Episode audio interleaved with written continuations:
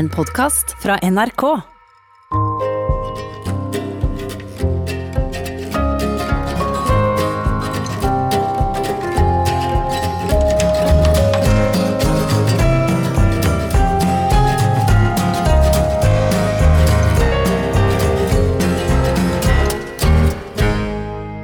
Når det går så det suser, og du bare kan sette full fart videre fremover, heter det gjerne at man ikke skal se seg tilbake.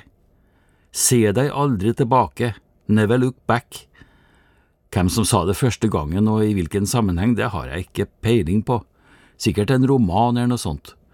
Men hvor godt råd er det egentlig? Se deg aldri tilbake, nei vel, hvorfor ikke det? Jeg tror at det har både litt med alder og hukommelse å gjøre. Unge folk i 20- og 30-årene bruker uansett ikke mye tid på å se seg tilbake. Det er ikke alltid de har så mye å se tilbake på heller. Ungdomstidas og studietidas prøving og feiling kan kanskje også være like greit å glemme en gang for alle. Da blir det noe annet når du fyller 50 eller 60, de kanskje verste påminnelsene i et menneskes liv om hvor langt livet er kommet. Og det er gjerne på sånne dager du høyst motvillig, i uhyggelige glimt, begynner å se deg tilbake. Det verste kommer gjerne først. Det meste har kanskje heldigvis allerede gått tapt.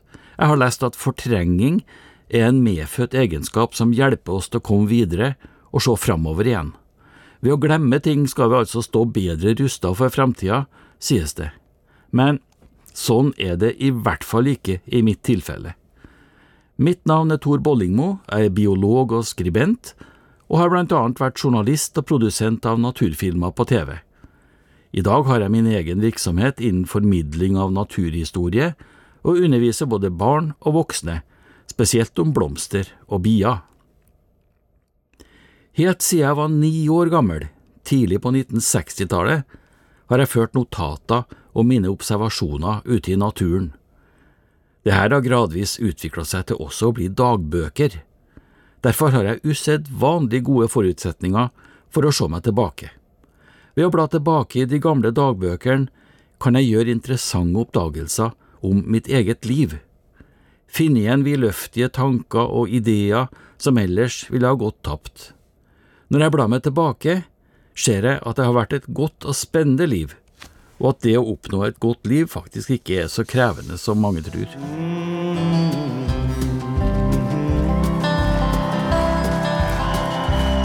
When I left my home and my family, I was no more than a boy in the company of strangers. In the quiet of the railway station, running scared.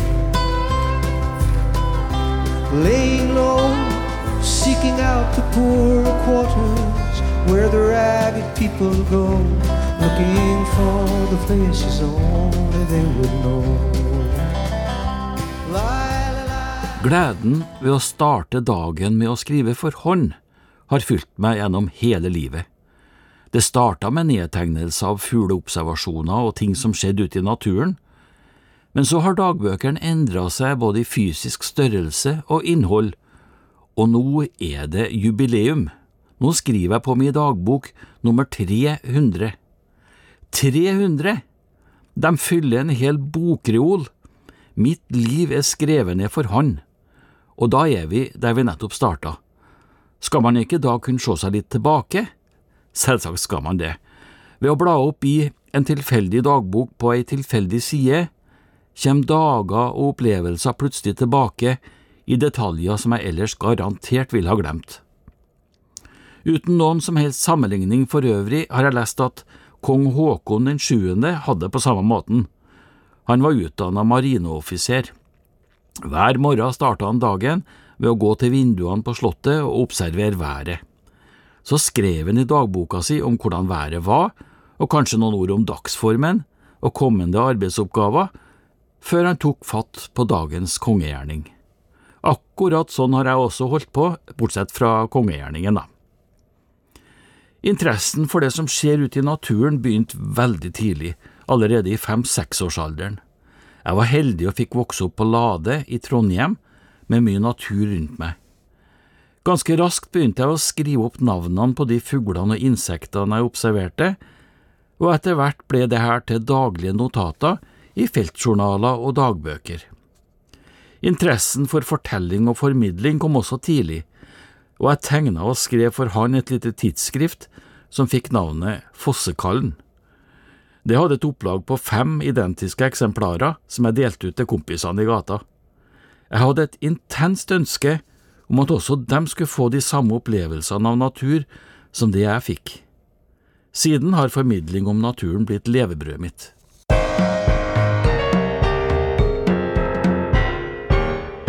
Foreldrene mine støtta meg i utviklingen av naturinteressen.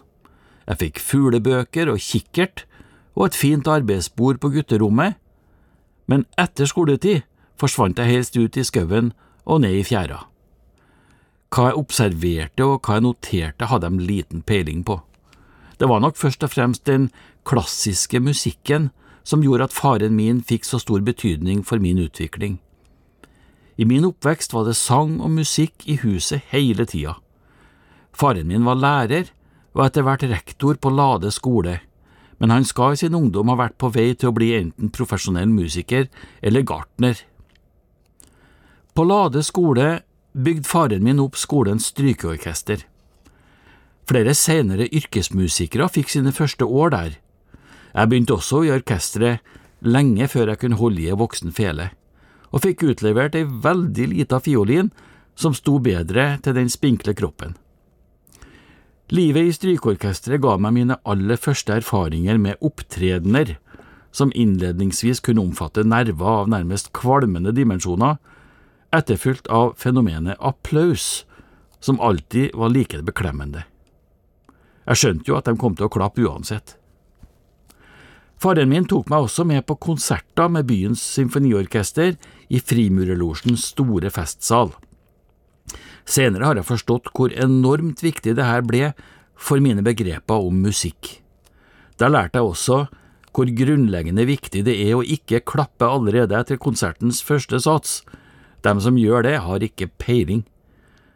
Først mange år senere ble jeg satt fri fra denne tvangsforestillingen av jazzen. På julaften brukte faren min og jeg å dra ned på sentralsykehuset for å spille julesanger for dem som var syke. Jeg kan godt huske første gangen fordi jeg aldri hadde vært på et sykehus før. Jeg kan ha vært sånn en sju–åtte år gammel. Da vi kom inn i rommet med juletreet, var det masse syke mennesker der. De var bandasjert og gipsa, og noen hadde metallbiter som forsvant inn gjennom både armer og bein, og noen lå til sengs med kjeften på vidt gap som om de var døende, og der skulle farsan og jeg altså stå og spille Glade jul og deilig er jorden. Men det funka, og dem som hadde mulighet til det, klappa i hendene og virka fornøyd, og da vi kom hjem, var mor klar med julematen. Det var veldig gode barneår, men jeg husker at faren min var litt frustrert over at jeg øvde så lite på fela. Når jeg kom hjem fra skolen, dro jeg oftest rett til skogs og ble der resten av dagen med notatboka mi og kikkerten. Der kunne jeg leve helt i min egen verden. Enkelte fiolinkonserter er så vanskelig å fremføre at de nesten aldri blir spilt. Her er de fire siste minuttene av en sånn konsert, slutten av tredje sats i Max Bruchs fiolinkonsert nummer tre, spilt av Moskvas symfoniorkester og solist Maksim Fedotov, også kalt Russlands Paganini.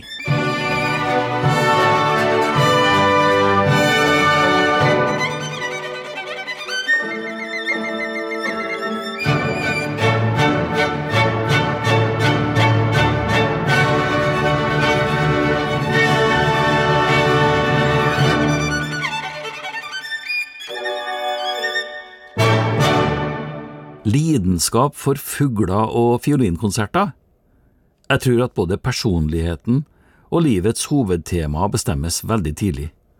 Det som skjer utover i livet er stort sett bare justeringer, påvirka av hormoner og tilfeldigheter. Og dagbøkene forteller meg at jeg har holdt stø kurs. Det minner meg på en ganske interessant opplevelse jeg hadde i studietida, da jeg av en eller annen grunn havna i Stockholm. Jeg dro innom Moderna museet der det tilfeldigvis var en svær utstilling med den spanske surrealistiske kunstneren Juan Miró.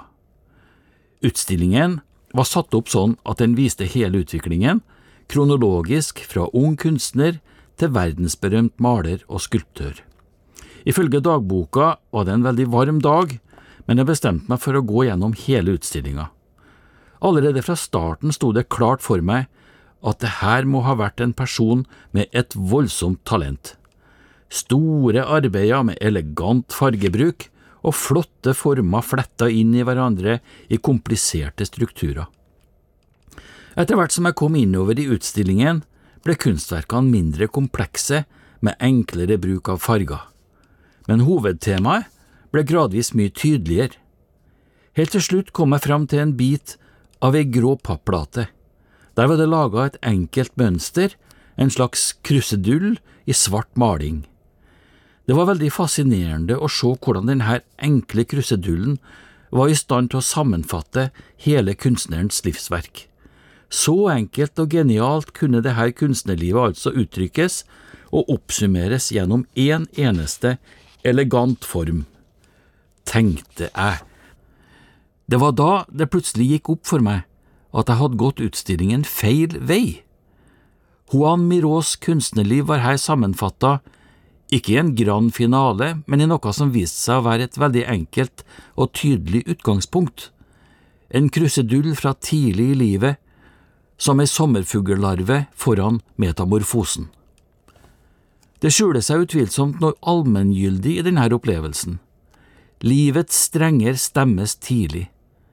Den konserten og de symfoniene som livet gradvis utvikles til å bli, tar sitt utgangspunkt i enkle toner som blir til allerede når vi er veldig små.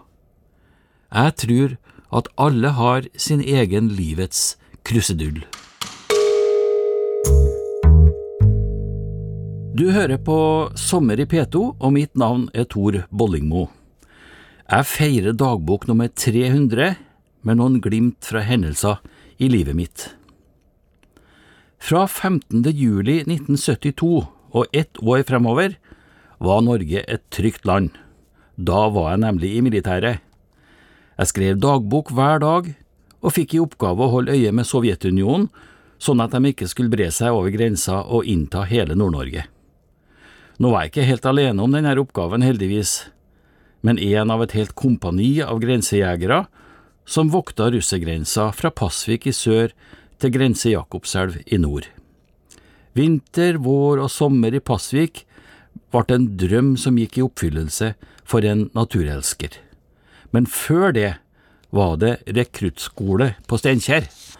Jeg kom rett fra en måneds feltarbeid med fugleregistreringa i den trønderske fjellheimen, og ankom rekruttskolen på Steinkjersandene med langt hår, solbrent, vant til å gå lange etapper i ulendt terreng hver dag, og ikke bortskjemt verken med mat eller med søvn. Kompaniet mitt besto av flere hundre ungdommer, hvorav antall personer med en sterk og god motivasjon for å gjennomføre et års militærtjeneste for landet sitt, var null. Vi måtte kjeftes på, refses, straffes med armhevinger og situps og gjennomføre milevis med utmarsjer før vi lærte oss å gå sånn noenlunde i takt og kunne få utlevert hver vår AG3. En i troppen min klarte aldri å forstå hva som var foran og bak på geværet, så han fikk utlevert hageredskap i stedet. En annen slet med å finne ut hvordan de to stroppene på enkeltsen kunne møtes og festes til hverandre. En morgen under oppstillinga fikk troppssjefen nok og skreik ut, Hvis du ikke skjerper deg nå, så kan du ikke være her. Rekrutten så overbærende på troppssjefen og svarte, Men kjære deg, jeg har da ikke søkt på denne jobben. Et av mange gode og langvarige bekjentskaper etablert på Sandan var han Ivar. Du vet helt sikkert hvem en Ivar er, han var en kjent musiker allerede den gangen.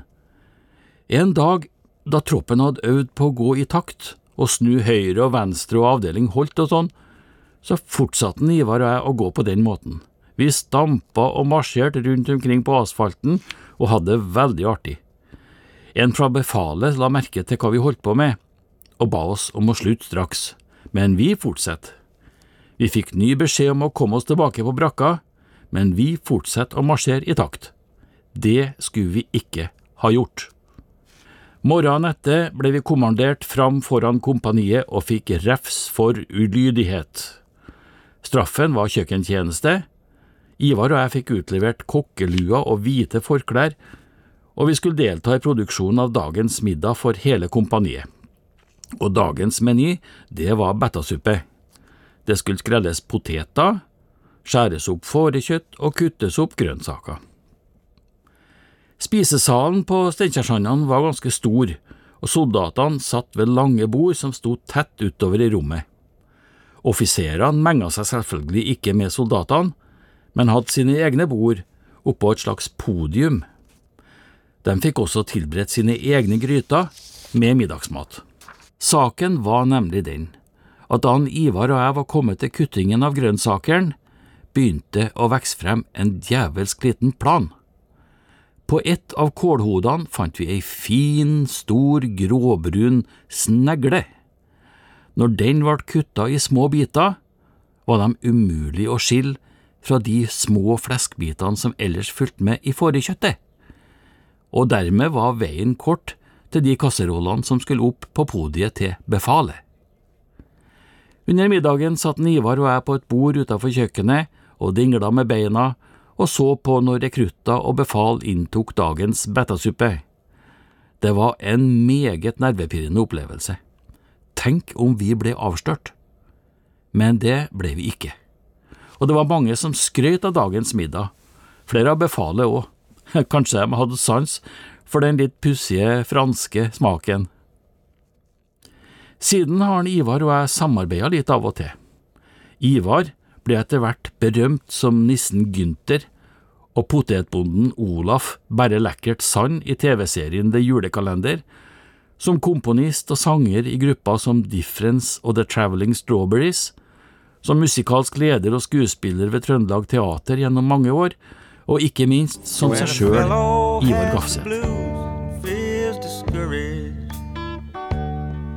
has nothing else but trouble all his life. When he's always grumbled at and never happy, living with a scolding, aggravating wife. Jeg havna altså helt sør i Pasvikdalen, som grensevakt på Gjøkåsen grensestasjon, fordi Forsvaret gjerne ville ha fuglekikkere til denne nøyaktige og krevende observasjonsjobben. De her enestående dagene er nedskrevet alle som en i feltdagbøkene, og jeg har mang en gang bladd meg tilbake til våren 1973 ved Pasvikelva. Dagboksidene er stappfull av vårstemning. Alt som sang og rørte på seg, ble notert. Det ble nok vel så mye fuglekikking som vakthold over Den røde armé. På stille netter, alene oppe i tårnet med den enorme kikkerten, kunne jeg sitte over tretoppene og høre koret fra sangsvana, sangen fra den sjeldne lappmeisa, lappuglas spøkelsesrop og konglebitens vare melodier innover i den evige furuskogen. En natt gikk en bjørn over isen. Det var et eventyr og ikke før var jeg ferdig som grensejeger utpå sommeren, så var jeg tilbake igjen i Sør-Varanger på jobb for Miljøverndepartementet. Jeg fikk 200 kroner dagen for å drive med registreringa av fugl i verneverdige områder, og det her pågikk over tre somre. På den måten ble jeg lommekjent i nesten hele Øst-Finnmark. En dag i juli sommeren 1975 skriver jeg i feltdagboka at det er aktivitet i et falkereir i en bergvegg et stykke inne på sovjetisk side ved grense Jakobselv, men at det ikke er mulig å se om det er jaktfalk eller vandrefalk. På denne tida var vandrefalken et sjeldent syn og praktisk talt utrydda i Norge, så jeg rapporterte tilbake til min arbeidsgiver. Etter noen dager fikk jeg beskjed om å kontakte grensevakta, fordi Den røde armé hadde gitt tillatelse til at jeg kunne krysse grensa for å sjekke reiret. Jeg forsto straks at det var nærmest en historisk begivenhet, for en sånn kryssing av grensa utafor Boris Gleb hadde bare skjedd én gang tidligere. Neste dag sto nyheten i riksavisene. Fredag den 18. juli 1975 var det ifølge feltdagboka regnbyger og ti grader, og det viste seg at jeg ikke lenger var alene på tur. Da jeg ankom den angitte grensestolpen, venta følgende personell på russisk side av Jakobselva, og de skrev senere navnene sine i dagboka mi. Sjefen for KGB på grensa mot Norge, oberst Rikard Kotta, stilte i paradeuniform, og tolk var den legendariske oberstløytnant Fjodrov. Sjefen for den nærmeste grensestasjonen var eldsteløytnant Vegeslav Vladimirovitsj Djugarev, og den tyngst bevæpna var sersjant Aleksej Seregin. På bredden på norsk side venta den norske grensekommissæren, oberst Finn Ramsøy, og ytterligere fire militære personer. Dessuten en mager, langhåra biolog fra Trondheim i topplu og genser. De to bevæpna norske soldatene måtte bli igjen i Norge. Men altså, så stort oppmøte, jeg skulle jo bare se opp i et fuglereir. Den eksakte grensa mellom Sovjetunionen og Norge gikk langs det djupeste partiet i elva, og det hadde regna. Men vi hadde ikke noe valg. Da russerne så at den norske delegasjonen begynte å vasse utover mot djupet, begynte de også å gå uti, og sånn møttes vi på ganske djupt vann midt ute i elvestrømmen. Vi ble ønska høytidelig velkommen til Sovjetunionen av sjefen for KGB. På vegne av Det kongelige norske miljøverndepartement takka jeg for tillatelsen til å gjennomføre grenseovergangen, før vi omsider kom oss i land på den andre sida. Inne i bjørkeskogen ble det opptenning av bål mot myggen, servering av svart brød, hvit spekepølse og mer enn tilstrekkelige mengder med drikke, og alle vet jo hva russerne drikker til lunsj. I dagboksidene fra 18. juli 1975 står det at juliregnet øste stille ned og praten gikk livlig. Etter den tunge lunsjen så ville ingen bli med på klatreturen oppover i berget.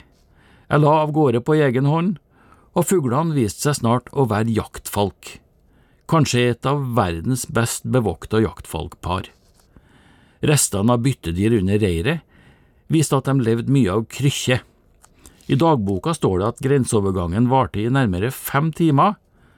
Alle var enige om at det hadde vært en fin tur, før de på nytt vassa ut på elvedjupet og tilbake til fedrelandet.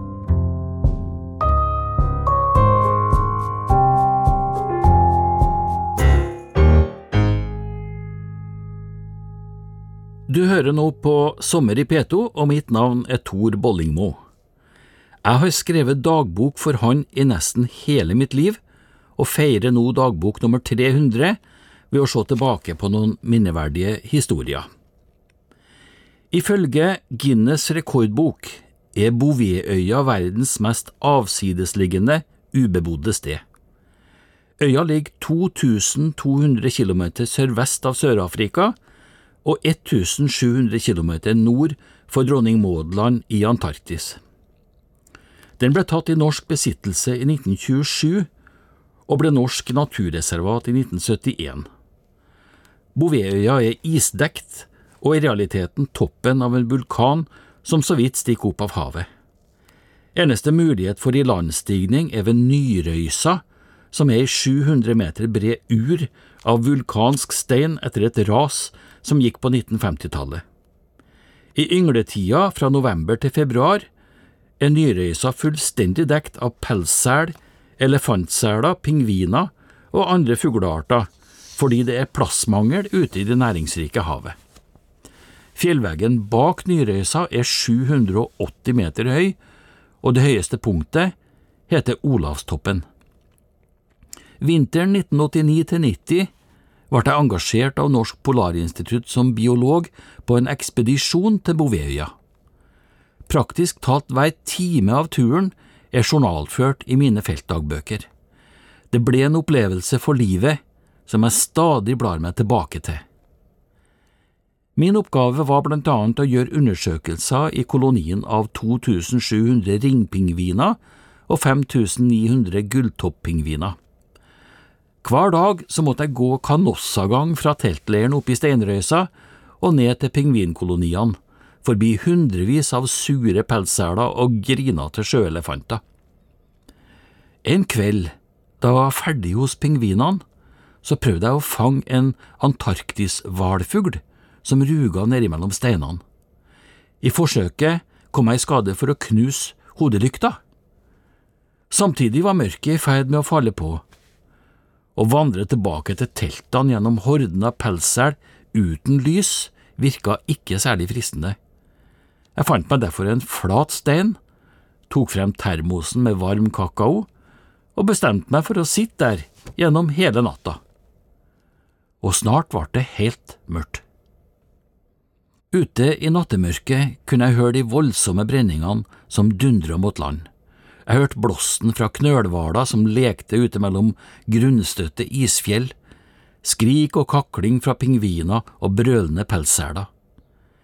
I det fjerne hørtes ekkoet fra små ras og steinsprang i fjellet, og spill og lokkelåter fra svartbukhavsvaler, sotalbatrosser, flekkpetreller og kjempepetreller. Det var natt i paradiset, og jeg visste der og da at verken jeg eller noen andre noensinne kunne få oppleve det her igjen. Nyrøysa på Bouvet er nemlig et forgjengelig sted. I dag er stedet der jeg satt, for lengst spist av havet. Da lyset begynte å komme tilbake, bevega mengder av pingviner seg mot havet i et langt tog samtidig som et tilsvarende tog av stabbende, fremoverbøyde, halvmeterhøye hardhauser kom i motsatt retning, fra havet mot reirene. De passerte bare et par meter unna der jeg satt. Idet de siste stjernene omsider var døde, og morgensola hadde kjempa seg fram til de nærmeste isfjellene, reiste jeg meg fra steinen og tok meg tilbake til teltene der de andre fremdeles snorka. De her sidene i dagboka er noe av det kjæreste jeg eier. Mens jeg var på den sørlige halvkule, døde faren min hjemme i Trondheim. Ifølge dagboka fikk jeg meldingen natt til 12. desember 1989, like før vi la ut fra Montevideo i Uruguay med ekspedisjonsskipet Aurora, på vei mot Sørishavet. Hva jeg tenkte da, står nedskrevet i dagboka. And it's time, time, time. And it's time, time, time. And it's time, time, time that you love. And it's time.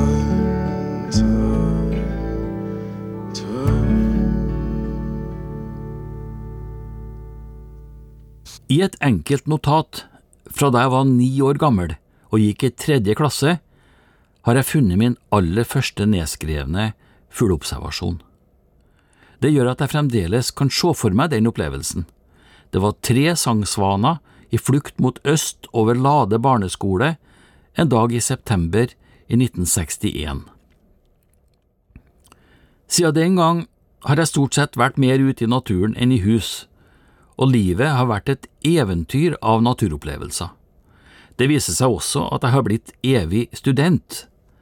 Etter årene på universitetet har jeg brukt det meste av mitt yrkesaktive liv på videre studier innen biologi og formidling av kunnskap om naturhistorie.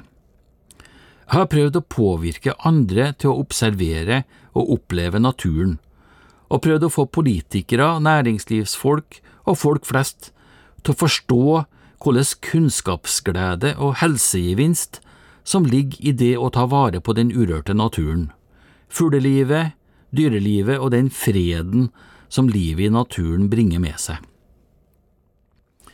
Nede i blomsterenga eller i skogen eller i fjellet eller langs sjøen, rett foran nesa og øynene våre, fins en verden av ubegripelig skjønnhet og artsrikdom. De her organismene bærer med seg en arv som har vært på reise fra generasjon til generasjon i over 100 millioner år. De har vært gjennom et ragnarok av prøvelser, men de best tilpassa har klart seg helt frem til i dag. Likevel er nesten ingen i vår tid i stand til å se det her artsmangfoldet før det settes en pengeverdi på det.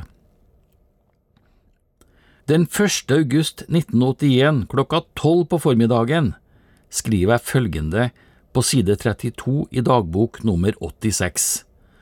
Også humlefaunaen vil jeg se nærmere på. Jeg noterte meg samme dag at noen humler var brun, noen var svart med rød bakende, og andre hadde gule og hvite bånd. Og jeg forsto at det her måtte være forskjellige humlearter, men den gangen fantes det ingen håndbøker innen humlefeltet. Dette ble starten på en lidenskapelig reise med humlene som bare forsterka seg med årene. Etter mange års studier ga jeg i 2013 ut boka Norges humler, sånn at humlekunnskapen kunne bli tilgjengelig for folk flest. Deretter eksploderte interessen både for humler og andre insekter. I dag driver jeg flere prosjekter rundt formidling om pollinerende insekter, sånn som Humleskolen og Humlebuss. Jeg opplever en enorm sult etter mer kunnskap blant folk flest, både om insekter og naturmangfoldet for øvrig. Alt fra skolebarn og studenter til folk i næringslivet, landbruket og driftsansvarlige i kommunene ønsker å vite mer om hvordan vi bedre kan ta vare på humler, bier og andre insekter. Rundt en tredjedel av den maten som menneskene på jorda spiser, er et direkte resultat av samarbeid mellom insekter og blomsterplanter. I tillegg kommer den betydningen insektene har for planter utenfor åker og hage, for opprettholdelsen av naturlige økosystemer.